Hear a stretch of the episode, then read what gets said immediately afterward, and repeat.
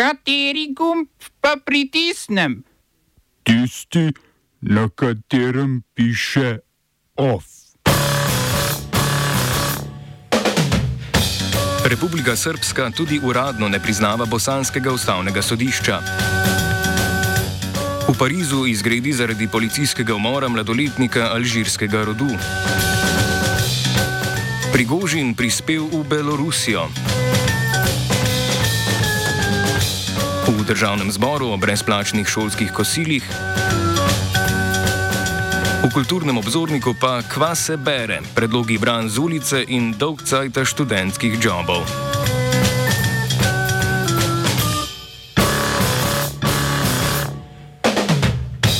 Dober dan. V pariškem predmestju Nanterre, približno 10 km zahodno od središča francoske prestolnice, je policist med prometno kontrolo po noči ubil mladoletnika alžirskega rodu.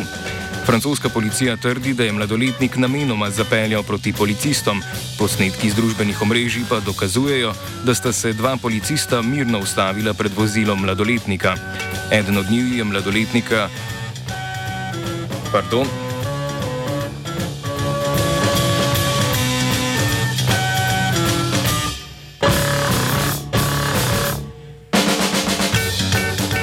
Eden od njih, torej policistov, je mladoletnika ustrelil iz neposredne bližine, ko je ta želel odpeljati stran. Policist, ki je mladoletnika ustrelil, je v priporu zaradi obtožbe umora. Policijski umor je sprožil proteste na zahodu Pariza, ki so se razširili v bližnje mestne četrti. Protestniki, ki jih je policija kasneje razgnala s ozivcem, policijo obtožujejo prekomerne uporabe sile.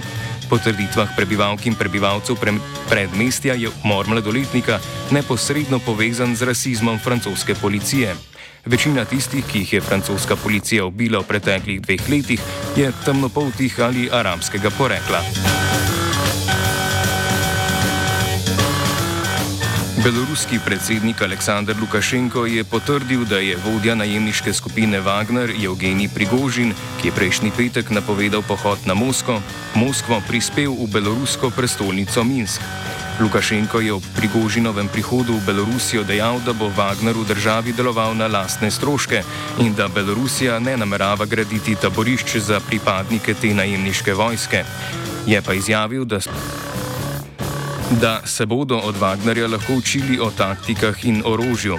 Medtem je ruski predsednik Vladimir Putin v svojem nagovoru vojaško osebje, tudi obrambnega ministra Sergeja Šojguja, pohvalil za preprečitev državljanske vojne. Po Putinovih trditvah je Wagner v zadnjem letu od ruske države prejel milijardo evrov, v tem času pa naj bi skoraj toliko zaslužil še s, cateringom in kuho. Rusko obramno ministrstvo je medtem sporočilo, da se Wagner pripravlja na predajo težkega orožja redni vojski.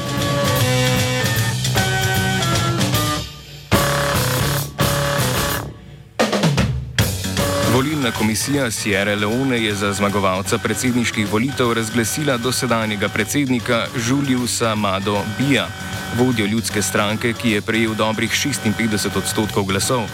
Za njegovega glavnega protikandidata Samuro Kamaro iz stranke Kongres vseh ljudi je glasovalo dobrih 41 odstotkov voljivk in voljivcev. Zmago na volitvah, po katerih sta si zmago pripisala oba kandidata, si je Mada Bio, ki je leta 1996 vodil državni udar, zagotovil drugi predsedniški mandat. Stranka Kongres vseh ljudi proti kandidata Kamere je volitve označila za netransparentne in prirejene. Sedež stranke pa je med čakanjem na rezultate souzivcem zalila policija, čež da so pripadniki na volitvah poražene stranke med razglasitvijo lažne zmage ogrožali mimoidoče v glavnem mestu Freetown.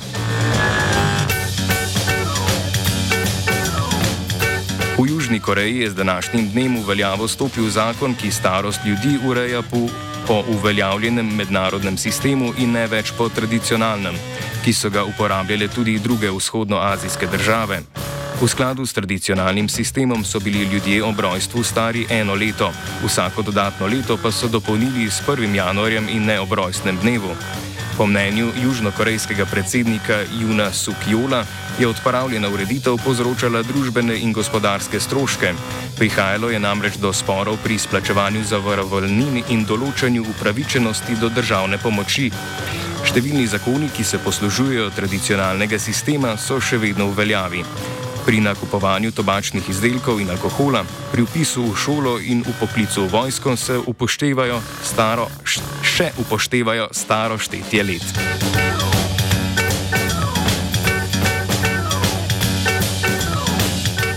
Malezija je na nizozemskem sodišču dobila sodbo proti filipinskima državljanoma, ki se izdajata za potomca zadnjega sulujskega sultana Džamalula Kirama II., ki je na današnjem območju Malezije, severu otoka Borneo, vladal na prelomu 19. in 20. stoletja. Sodba se nanaša na kolonialni dogovor o uporabi teritorija, ki ga je sultan z britansko trgovsko korporacijo podpisal leta 1878. Septembra lani sta dva sultanova potomca na nizozemsko sodišče naslovila zahtevo naj uveljavi sodbo francoskega sodišča, ki je odločilo, da ima mora Malezija izplačati 14 milijard evrov. A francosko sodišče je ugotovilo, da nima pristojnosti za izterjavo plačila od malezijske države. Nizozemsko sodišče je sedaj uporabo zemljišča pripisalo Maleziji, kar pomeni, da državi ne bo treba izplačati potomcev sultana. Malezija je potomcem letno plačevala dogovorjeno vsoto denarja, da je lahko uporabljala zemljišča, a je s plačevanjem prenehala leta 2013. Medtem ko v Washingtonu potekajo azerbajdžansko-armenska pogajanja, so azerbajdžanske sile v napadu na armenske položaje v Gorskem Karabahu ubile štiri armenske vojake. Armenske oblasti v Gorskem Karabahu so napad označile za provokacijo. Predtem pa je azerbajdžansko obramno ministrstvo za obstreljevanje okrivilo armenske vojake, ki naj bi vstopili na ozemlje Azerbajdžana in streljali na položaje njihove vojske. Gorski Karabah po mednarodnem pravu pripada Azerbajdžanu, a je po razpadu Sovjetske zveze večji del območja nadzorovala Armenija. Od 15. junija Azerbajdžan blokira vse prometnice do območja, tudi za humanitarne konvoje. Državi sta vojno v Karabahu na zadnje bili konec leta 2020, ko je v šesttedenskih spopadih umrlo več kot 6000 ljudi. V vojni je zmagal Azerbajdžan, ki je zauzel ozemlja na jugu in zahodu Gorskega Karabaha.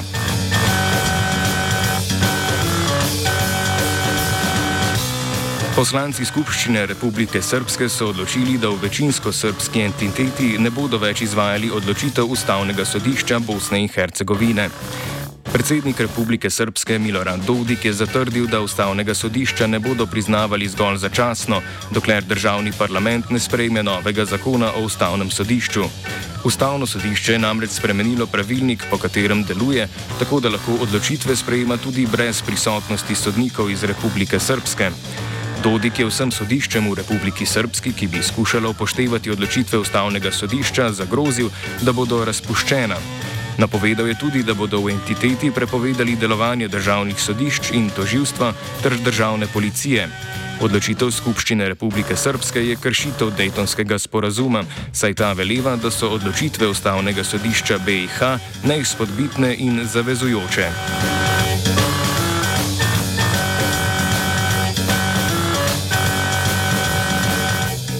Občinsko sodišče na reki je nekdanjega vodjo katoliških skavtov v mestu Mateja Mršo zaradi 30 kaznjivih dejanj spolnih zlorab otrok obsodilo na 8 let zaporne kazni. Mrša bo v zaporu 6 let, saj sta dve leti, ki jo je že preživel v zaporu, ušteti v zaporno kazen. Sodišče mu je izreklo tudi dosmrtno prepoved dela z otroki. Sodba še ni pravnomočna. Smo se osamosvojili nismo se pa osvobodili.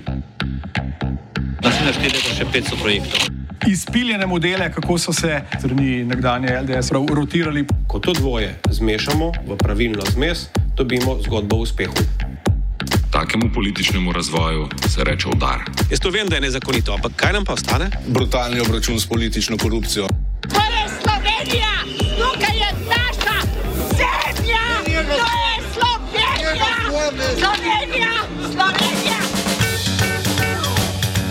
Ministrstvo za delo je pripravilo spremembo pravilnika o osebni asistenci, po kateri se bo cena ure storitve osebne asistence s 1. julijem zvišala z 15 evrov na 15,56 evra. Sindikat osebnih asistentov, ki je 25. maja organiziral stavko zaradi slabih pogojev dela in lanskoletnih sprememb pravilnika, ki so jih še poslabšali, opozarja, da bi morala biti cena ure storitve po njihovi oceni vsaj 16,64 evra. Govori zastopnik sindikata Nenad Vitorovič. Po, po enih drugih izračunih se strani uh, enega večjih izvajalcev uh, je pa znesek, uh, ki bi kompenziral uh, uh, povišanja stroškov zaradi inflacije in tako naprej, ki bi recimo bil ekvivalent tistega, kar je bilo potrebno lan, na začetku lanskega leta oziroma predlani, uh, bi znašal 16 evrov, 60 tam nekje. Je pa jasno, je pa jasno da, da zdaj po zamudi, ne, po, ko pač šele julija pride povišanje in so uh, izvajalci osebne asistence v bistvu v rdečih številkah, vsi, da, da bi vsaj nek poračun za nazaj moral biti tudi, ne. V parlamentu razpravljajo o predlogu resolucije o strategiji prostorskega razvoja Slovenije do leta 2050. Do predloga so kritični župani spodnjega podravja, ker Ptuj v resoluciji ni opredeljen kot urbano središče regionalnega pomena, temveč v podrobni opredelitvi ravni mestnih središč spada pod urbano središče Maribor. V visokoleteči resoluciji med drugim obljubljajo, Ustvarili bomo kompaktna, privlačna, zelena, okoljsko kakovostna, zdrava ter varna mesta in druga naselja. Mesta se bodo preoblikovale v prostore interakcij, inovacij, kulture in skupnostne povezanosti, kjer se funkcionalno prepletajo prostori bivanja, dela in prostega časa v navezavi na okolico in krajino.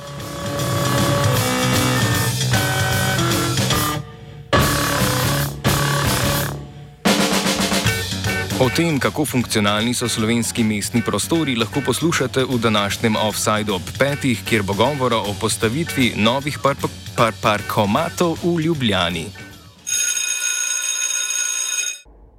Akademskih 15.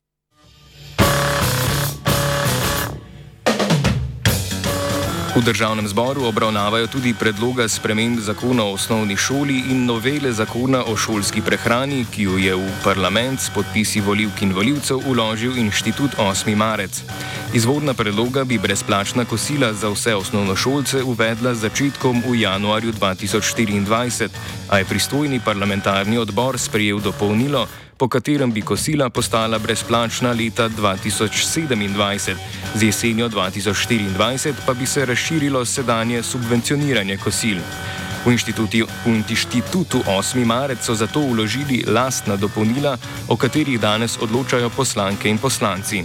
Po dopolnilih inštituta bi subvencioniranje kosil uvedli jeseni letos, leta 2026 pa bi bila kosila brezplačna. OF je pripravil Matija.